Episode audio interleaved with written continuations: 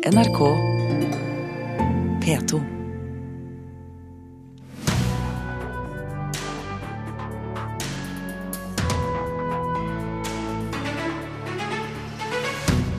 Norske filmer er blant årets mest sette på kino, men de norske barnefilmene sliter med å dra publikum slik de har pleid. Ny operadirektør må rydde opp i økonomi og pensjoner. Geir Bergkaste skal være en samlende og synlig leder for Den norske opera og ballett. Og Debatten om ny vestlandsregion har blåst liv i nynorskinteressen. Norges Smålag opplever rekordvekst. Her er Kulturnytt i Nyhetsmorgen, hvor vi i dag begynner med barnefilm. 2016 har vært et dårlig år for norske barne- og ungdomsfilmer på kino, på tross av at det går mot et rekordår for antall solgte kinobilletter totalt. Før året er omme er det solgt kun 870 000 billetter til norske barne- og ungdomsfilmer, mot 1,8 millioner for tre år siden. Arne! Du hjelper meg. Finn deg.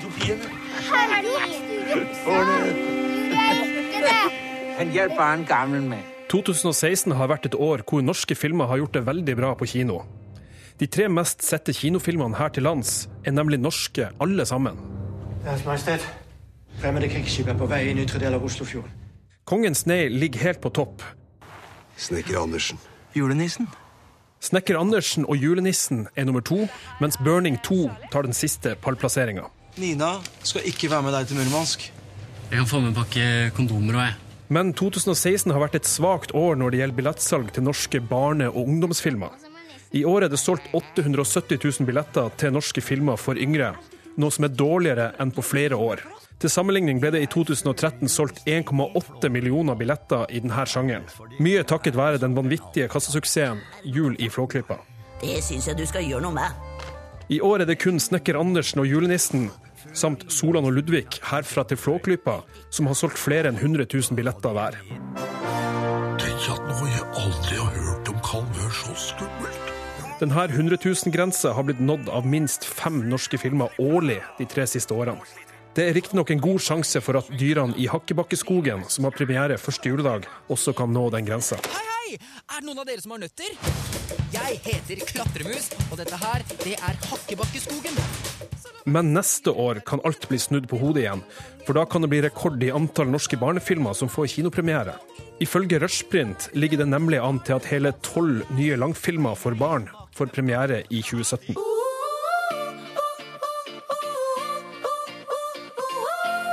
Og da kan dokumentarfilmen om Marcus og Martinius bli en av de største kinosuksessene neste år. Reporter her, det var eh, Oddvin Aune. Dankert eh, Monrad Krohn, eh, festivalsjef for Barnefilmfestivalen i, i Kristiansand. Hvorfor tror du besøkstallet for norske barne- og ungdomsfilmer har falt jevnt og trutt de siste årene? Ja, det er jo helt opplagt mengden barnefilm. Hvis man refererer til 2013, så var det jo hele syv barnefilmer. Og og så har det selvfølgelig med hvilke adopsjoner. altså Vanligvis så er det jo de norske barnefilmene som er basert på kjente bøker eller kjente karakterer eller universer, som jo topper disse listene. Så det er tydelig hvilke typer filmer som, som trekker de store publikumsmassene? Ja, helt opplagt. Altså 2013 som var rekordår med syv barnefilmer, der var det Juli Flåklypa og Gåten Ragnarok og Karsten og Petra som trakk ja, litt i underkant av 1,4 av de 1,8 millionene besøk. sånn at, at, det viser jo at det er kjente ting som, som trekker folk på kino. Hvor, hvor, stor konkurranse er det fra andre plattformer som, som nettbrett og, og, og, nye medier som barn og unge tar i bruk, tror du? Det er ikke godt å si. Jeg tror kanskje barn konsumerer uh, mer film på alle plattformer. Uh, når det gjelder uh, barnefilm på kino, så er det jo helt opplagt at det er de store amerikanske filmene man konkurrerer med. Men du finner som regel norske barnefilmer veldig høyt opp på listene. I 2014 så, så har det, det var tre norske filmer på topp fem. Du finner igjen på mange mange filmer. altså Snekker Andersen nå er topp to i 2016. Um, så kommer nok besøket til å gå opp i 2016. altså Du har Hakkebakkeskogen som har premiere rett over jul. Så man tipper så kommer det kanskje opp kommer det på 200 000 til, med litt hvis det går som det skal. Men hvis du ser tilbake på de, de norske barne- og ungdomsfilmpremierene vi har hatt i år, eh, hvordan ligger besøkstallet an i forhold til det du kanskje hadde forventet? Det er ikke så veldig annerledes enn det jeg hadde forventet. Det er jo noen ting som er litt trist. altså Gilberts grusomme hevn, som er jo en fantastisk flott film og et univers som ikke er så kjent, den eh, kommer selvfølgelig langt lavere enn Snekker Andersen eller eh, de nyeste Gråtass-filmene.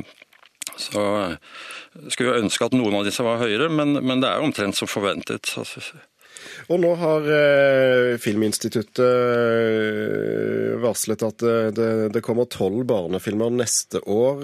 Tror du det vil få besøkstallene opp, eller vil de slå hverandre i hæl i stedet? Det kommer til å få det opp. Altså, her er det jo veldig mye kjente universer og karakterer. Du får ennå en Karsten og Petra-film, du får Elias igjen, du får Knerten. Og så ikke minst så er det interessant at det er tre dokumentarfilmer. Og, og, jeg vil jo tro at Marcus og Martinus-dokumentaren og Preps og Dennis er eh, noe veldig mange vil se. Er det noen av disse du kommer til å sette høyest på plakaten på din egen eh, festival? Ja, jeg gleder meg til å presentere Oscars Amerika, som er den første originalskrevne historien, filmfortellingen, på mange, mange år i Norge. Og, og det at vi får tolv filmer er jo ikke tilfeldig. Det er jo en Eh, altså at satsingen til Norsk Filminstitutt og ikke minst produsentene som, som gir seg ut på dette risikoprosjektene, eh, gir resultater. Vi eh, får se hva som skjer neste år. Takk skal du ha, Dankert Monrad Krohn, sjef for Barnefilmfestivalen i Kristiansand. Eh, og dersom folk får mye tid til eh, overs i romjulen, så kan det altså tenkes at besøkstallene for eh, barnefilm gjør et hopp også i år. For første juledag kommer Torbjørn Egners 'Dyrene i Hakkebakkeskogen' på kino for første gang. En helaftens animasjonsfilm laget med såkalt stop motion-teknologi. Vår anmelder Birger Vestmo mener filmen har blitt mer enn et nostalgisk pliktløp. Det er utmerket. Gå i gang. Det er i gang. Jeg går utmerket. Regissør Rasmus A. Sivertsen og Kvisten Animasjon fortsetter arbeidet med å fornye gamle barnefavoritter til kinolerretet. Etter suksess med bl.a. Flåklypa-filmene og fjorårets Knutsen og Ludvigsen, virka kanskje dyrene i Hakkebakkeskogen som en helt naturlig utfordring. Den takler Sivertsen godt, for det her har blitt en kvikk, munter, morsom og ørlite grann skummel film. Karsten Fullus stramme manus holder seg ganske tett til Torbjørn Egners originale tekst, men det her universet har fått et friskt uttrykk som gjør filmen til noe mer enn et nostalgisk pliktløp. Jeg heter Klatremus, og dette her, det er Hakkebakkeskogen. Så la meg vise dere litt rundt her i skogen. De fleste kjenner kanskje historien, men for de som trenger en liten oppfriskning, handler det her altså om ulike figurer i Hakkebakkeskogen. Klatremus må unngå Mikkel Rev, Bestemor Skogmus må unnslippe Petter Pinnsvin. Bakermester Harepus må lære bakergutten hvordan man egentlig lager pepperkaker. Brumlemann må reddes fra mannen og kona på gården. Og så avsluttes det hele med et aldri så lite 50-årslag. Ingenting mangler, alt er med, og litt til. Nei, gress og bladsalat er ikke revemat. Man blir stor og sterk av det er bare tøys og prat. Den kanskje største genistreiken er at filmskaperne har hyra Katzenjammer til å tonelegge de kjente og kjære melodiene, som viser seg å være perfekte som kjapp og energisk skranglepop. Her er det bare å synge med, for Christian Hartmanns musikk og Torbjørn Egners tekster er fremdeles fengende, og blir enda bedre med Katzenjammer-lyd. De har dessuten fått gode stemmer, blant annet Nils Jørgen Kålstad som Morten Skogmus, Stig Henrik Hoff som Mikkel Rev, Wenche Myhre som bestemor Skogmus og Egil Hegerberg i et gøyalt innhopp som Petter Pinnsvins stemme. Nå må jeg ha litt å spise. Dyrene i Hakkebakkeskogen er over på en time og et kvarter, som er en perfekt lengde for de aller yngste. I løpet av den tida har alle de viktige sjekkpunktene på lista blitt kryssa av, uten at historien på noe tidspunkt føles gammel og utbrukt. Denne filmen blir derfor nok en suksess for Rasmus A. Sivertsen og staben i Kvisten Animasjon. Det er omtrent garantert at Torbjørn Egner ville nikka anerkjennende til det de har gjort med hans klassiske fortelling. For dyrene i Hakkebakkeskogen er sjarmerende underholdning med stor fortellerglede. Hva skal vi gjøre?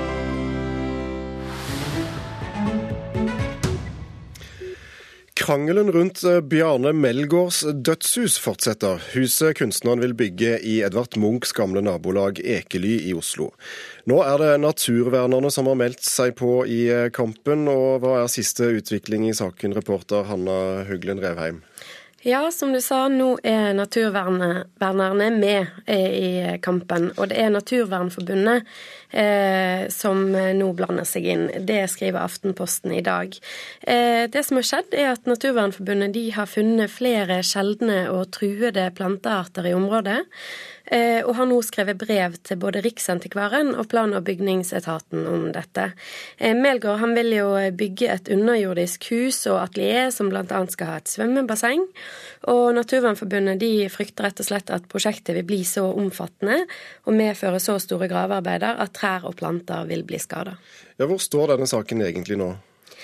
Ja, nå ligger saken på Riksantikvarens bord, eh, og der vil de lande på en beslutning over nyttår.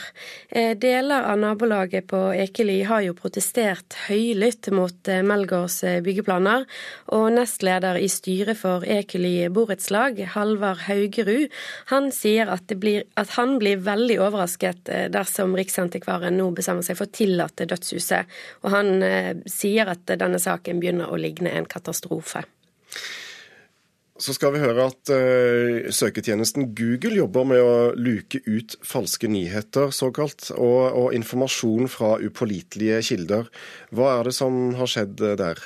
Ja, I Google-verdenen der hadde de fått seg en liten vekker. For i forrige uke der, uh, da skrev den britiske avisen The Guardian at det er holocaust-fornektere som dominerer svarene man får opp dersom man googler på engelsk spørsmålet 'skjedde holocaust'.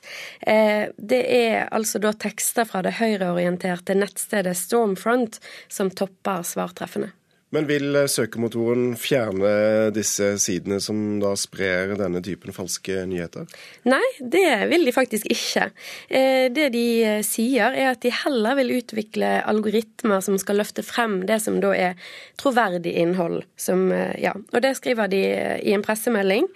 Eh, og Der eh, skriver de òg at det er en utfordring å bedømme hva for nettsider som best vil svare på forskjellige spørsmål eller andre søk, eh, og at de ikke alltid får til å hjelpe frem de riktige sidene. Men å fjerne de nettsidene som har falske nyheter, det vil de ikke gjøre.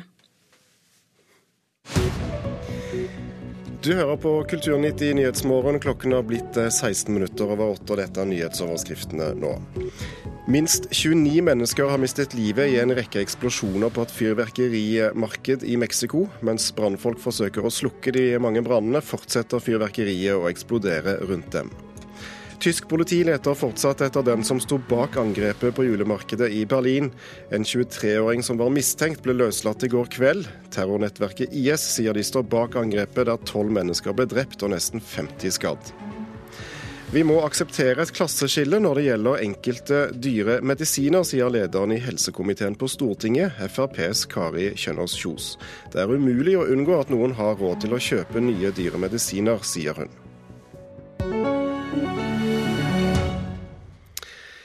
I går ble det kjent eh, hvem som blir ny administrerende direktør i Den norske opera og ballett fra neste sommer.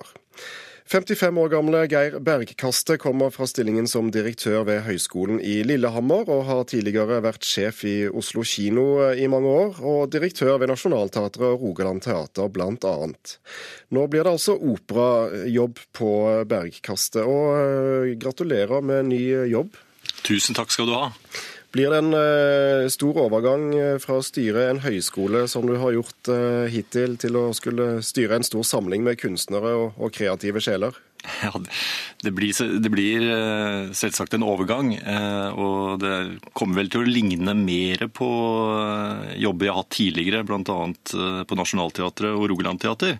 Men når det er sagt, så, så, vil jeg også si at en høyskole er også en kompleks organisasjon og med sterke innslag av prestasjonskultur og sterke fagmiljøer. Og det er vel også sånn det er på Det Norske Opera Ballett. Styreleder eh, Anne Karine Tanum sier at de har eh, lett etter en samlende leder, eh, og har altså funnet deg. Hvordan tolker du dette? Ja, For det første så tolker jeg det vel sånn at noen må ha sagt noe pent om meg når de har gjort researchen. Eh, men hvis jeg skal si litt om hva jeg trives med, så, så, er det jo noe med at eh, scenekunsten, både teater og opera og ballett, er kollektive kunstarter og består av eh, For å lykkes så, så er det veldig mange brikker og veldig mange kompetanseområder som skal trekke sammen og, og, levere på rett tid. Og jeg liker den Jeg trives veldig godt med det. Jeg liker å jobbe med dette og forene krefter. Så det er vel det enkleste jeg kan si. Og så har du fått i oppgave å være synlig. Hvordan, eh, hva innebærer det for deg? Ja, nå er jeg f.eks. hørbar, eh, og så får vi det, er, det er en start. Ja, det er, det er jo en start. Eh, nei, vet du hva, jeg har ikke lagt noen, noen mediestrategi på det. Men Det Norske Operaballett er en betydelig institusjon i det norske kulturlandskapet. Og det er klart at jeg har et håp om at det skal være interesse som jeg kan også være med å bidra til at oppstår. Når det er sagt, så er det viktig å si at Eh, det Norske operaballett er først og fremst en, eh, et sted hvor det produseres eh, opera og ballett av høy internasjonal kvalitet. Og det er det jo de kunstneriske lederne som står for. Så jeg syns også det er en viktig jobb for oss å sørge for at det som publikum kommer for å se, og de som er kunstneriske ledere, er ute og, og får den oppmerksomheten de fortjener.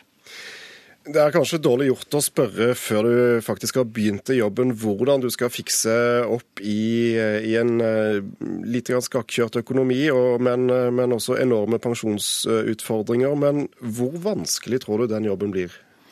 Jeg er jo enig i at det er litt dårlig gjort å spørre. Uh, men Nei, altså Sånn som jeg opplever det, og jeg skal være ærlig og si at jeg har ikke satt meg detaljert inn i det. Eh, men eh, jeg opplever at det er særlig forholdene knytta til pensjon. Jeg opplever at den øvrige økonomiske situasjonen ikke er så vanskelig. Så det er, det er, men det er nå mitt bilde sånn som det er i den første fasen. Pensjon er eh, krevende, eh, og det vet man fra andre institusjoner. Så eh, i dag så er det på plass en eh, midlertidig innskuddspensjonsordning. Den eh, tror jeg gir eh, positive resultater allerede i 2017. Og så er det jo at vi venter på at Kulturdepartementet skal ut med et høringsnotat om en ny operapensjonslov. Så vi, vi får jobbe med det, og, og, noe utover det har jeg vel egentlig ikke klart for meg. Vi må spørre helt til slutt, har du en favorittopera eller ballett? Nei, du vet hva. Jeg, jeg, med en gang du spør om det, så kommer jeg liksom ut på tynn is. Nå, skal jeg bruke, nå skal jeg bruke denne våren, som jeg har anledning til, til å i hvert fall få med meg mye av det som vises eh, på Opera Ballett, og begynner allerede på fredag. Og skal med familien og se 'Nøtteknekkeren', noe jeg gleder meg skikkelig til. Vi får ønske god fornøyelse og, eh, og lykke til i ny jobb, Geir Bergkastet. Takk for at du var med i Kulturnytt.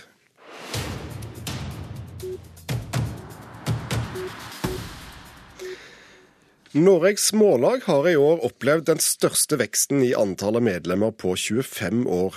Leder Magne Aasbrenn forklarer veksten med mobiliseringen rundt nynorsken i det som eh, kan bli den nye vestlandsregionen. Direktør Ottar Grepstad ved Nynorsk kultursentrum er glad for at folk er opptatt av språk. Det er entydig positivt. Det har vært snakka så mye negativt om denne språkstudien osv.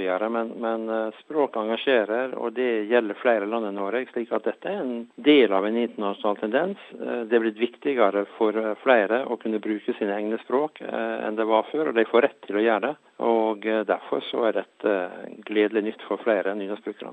Norges Mållag talte denne veka 12 362 medlemmer, og det er det høgste medlemstallet på 25 år. Og språk engasjerer. Denne høsten har diskusjonen rundt administrasjonsspråket i en eventuell vestlandsregion med Hordaland, Sogn og Fjordane og Rogaland synt at nynorsken fremdeles har sprengkraft. Mållaget mobiliserte til kamp for nynorsken, og i høst så har Mållaget fått over 550 nye medlemmer over hele landet. Også i Møre og Romsdal og i Oslo har medlemstallet økt, med høvesvis 63 for hvert fylke. Mållagsleder Magne Aasbrenn sier det nå blir viktig å ta vare på engasjementet videre. Det kommer noen eh, skolemålsrøystinger, det kommer jo stadig, da. Og bestemme språket på skoler. Eh, språket i barnehagene er jo veldig viktig. Spesielt vil jeg si i Møre og Romsdal så må man passe på det at språket i barnehagen er eh, nynorsk. Dersom unger skal gå videre og gå på en nynorsk skole, F.eks. Lucia-sangen går an å synge på nynorsk og ikke bare på bokmål. Og for direktør Ottar Grepstad ved Nynorsk kultursentrum i Åsentunet i Ørsta, så er nynorskmobiliseringa godt nytt. Eh, det er klart det er positivt for en organisasjon som Nordens Mållag å få stadig flere medlemmer. Det styrker lokallagene, og det gjør at en kan være bedre budd eh, hvis det skulle oppstå nye saker sa Otta Grepstad ved Nynorsk kultursentrum i eh, Ørsta. Reporter var eh, Håvard Ketil Sporsheim. Og da skal vi på teater.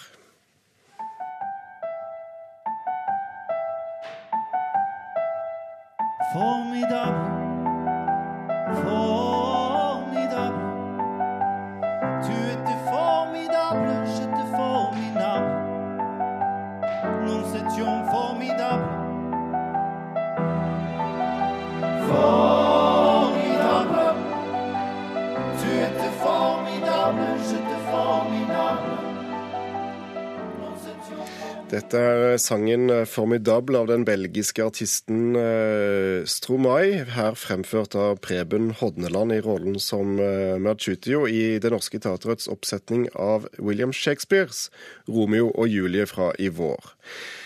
Karen Frøsland Nysteil, eh, formidable er det overskriften du vil sette på eh, teateråret som nå er gått? Oi, oi, oi, ja, det er jo litt av en overskrift i så fall. Eh, når jeg hører denne sangen, så tenker jeg bare ja, ja, ja. Men det har vært et veldig interessant teaterår, det har det. Denne, denne Romeo Julie-oppsetninga her har vært blant de som har vært eh, av de virkelig populære forestillingene som Det Norske Teatret har måttet satt opp igjen og igjen og skal fortsette å spille neste år, faktisk. Og akkurat denne, altså Preben Hodland som vi hørte synge her, eh, og, og denne oppsetningen var litt en av mine oppdagelser i år. Og jeg har hatt denne formidabel på, på, hjernen siden mars, og jeg vet at Det Norske Teatret har blitt spurt om spillelister og forskjellig, for dette har virkelig spredd seg. Så dette er en forestilling mange i hvert fall vil huske fra året som gikk. Og Shakespeare har jo vært feiret på teaterscener over hele verden dette året. Hvilke Shakespeare-oppsetninger har gjort inntrykk på deg? Ja, nå er det jo 400 år siden han døde, så det har vært mye Shakespeare eh, overalt, egentlig. Eh, Romeo og Julie har vi så vidt nevnt. Mm. Eh, Kjersti Horn sin Rikard 3. ved Nationaltheatret, en ganske blodig affære, egentlig. Den, eh, den syns jeg var veldig vakker i all sin, eh, all sin grusomhet. Um, men den aller fineste Shakespeare-opplevelsen, det vil jeg si jeg fikk i Haugesund, faktisk. På Vibrandsøy, som ligger liksom rett utenfor Haugesund sentrum. Der satte Haugesund Teater opp 'Stormen' av William Shakespeare. Eh, nyskrevet eller overskrevet av den norske dramatikeren Eirik Fauske. Da måtte vi ta båt fra Haugesund og over til denne lille øya. Ute i stormen. Ja, ute i stormen. Eh, vandre rundt på øya mellom installasjoner som scenograf Signe Becker hadde satt ut i landskapet, og til slutt inn i et naust der stormen ble spilt ut. Og denne forestillinga ga meg et helt nytt blikk på stormen og Shakespeare. Men jeg må si én ting da som kritiker, og det er at eh, når vi ser en premiere, så er vi liksom så fort ferdig med forestillinga etter det. Men jeg fikk meg en liten vekker på hva, hva teater eller Shakespeare kan være, og hvordan det kan virke ikke. For jeg, jeg, hørte om en gutt i relativt nær omgangskrets av meg. Han er elleve år. Han fikk ikke lov å dra og se Romeo og Julie fordi han var egentlig litt for ung. Så han gikk på biblioteket, lånte seg Romeo og Julie, Hamlet og, og, og et eh, stykke til av Shakespeare, og satte seg ned og leste og blei heilfrelst. Så hvordan, et eksempel til etterfølgelse for alle landets ja, så hvordan teater kan virke, er jo helt fantastisk. Det tror jeg nesten ikke Det Norske Teatret heller hadde regna med. Det er mye drama i Shakespeare, og, eh, og, eh, drama handler ofte om krig. For ett år siden så gledet du deg til en hel natt med krig på Det Norske Teatret. Hva tenker du om den forestillingen nå etter etter? Jeg tenker at det var et helt vanvittig prosjekt som man ikke kan gjøre mange av, men som det var fantastisk å sitte i salen og få med seg. Jeg klarte ikke å holde meg vågen hele tida. Det gjorde heller ikke den teatersjefen som satt ved siden av meg. Det var litt godt å se. Men det er, det er så fint at norske teatre våger seg ut på nye formater og våger å eksperimentere. Eh, min aller største krigsopplevelse hadde jeg nok ved Den nasjonale scenen i Bergen, der de satte opp Vår ære, Vår makt av Nordahl Grieg, som da var overskrevet av Cecilie Silje Løveid og Tore Vangli. Det var en av årets aller fineste for min del. Hvis du skal trekke frem noen andre høydepunkter på tampen, hva skulle det vært? Da gleder jeg meg veldig over å se Doppler, Erlend Loe sin roman, som teater ved, ved Trøndelag Teater. Det var en eh, vågal og fantastisk forestilling. Og jeg ble òg helt lykkelig av å dra til Rogaland Teater og se Orlando, Virginia Woolf sin roman, som teater. Det var kanskje det aller, aller beste jeg så i hele år. Du, vi nærmer oss brått slutten, men du har som standard prosedyre å etterlyse nynorsk dramatikk. På ti sekunder, du, er du fornøyd i år? I år er jeg kjempefornøyd, og jeg er ekstra fornøyd med at Ibsenfestivalen i år løfter fram mye nyskreven norsk dramatikk, og sånn må det fortsette. Karen Frøsland Nysteil, tusen takk skal du ha. Nå er det på tide for Tone Staude og Thomas Alvarstein Ove å si takk for følget. Hør flere podkaster på nrk.no podkast.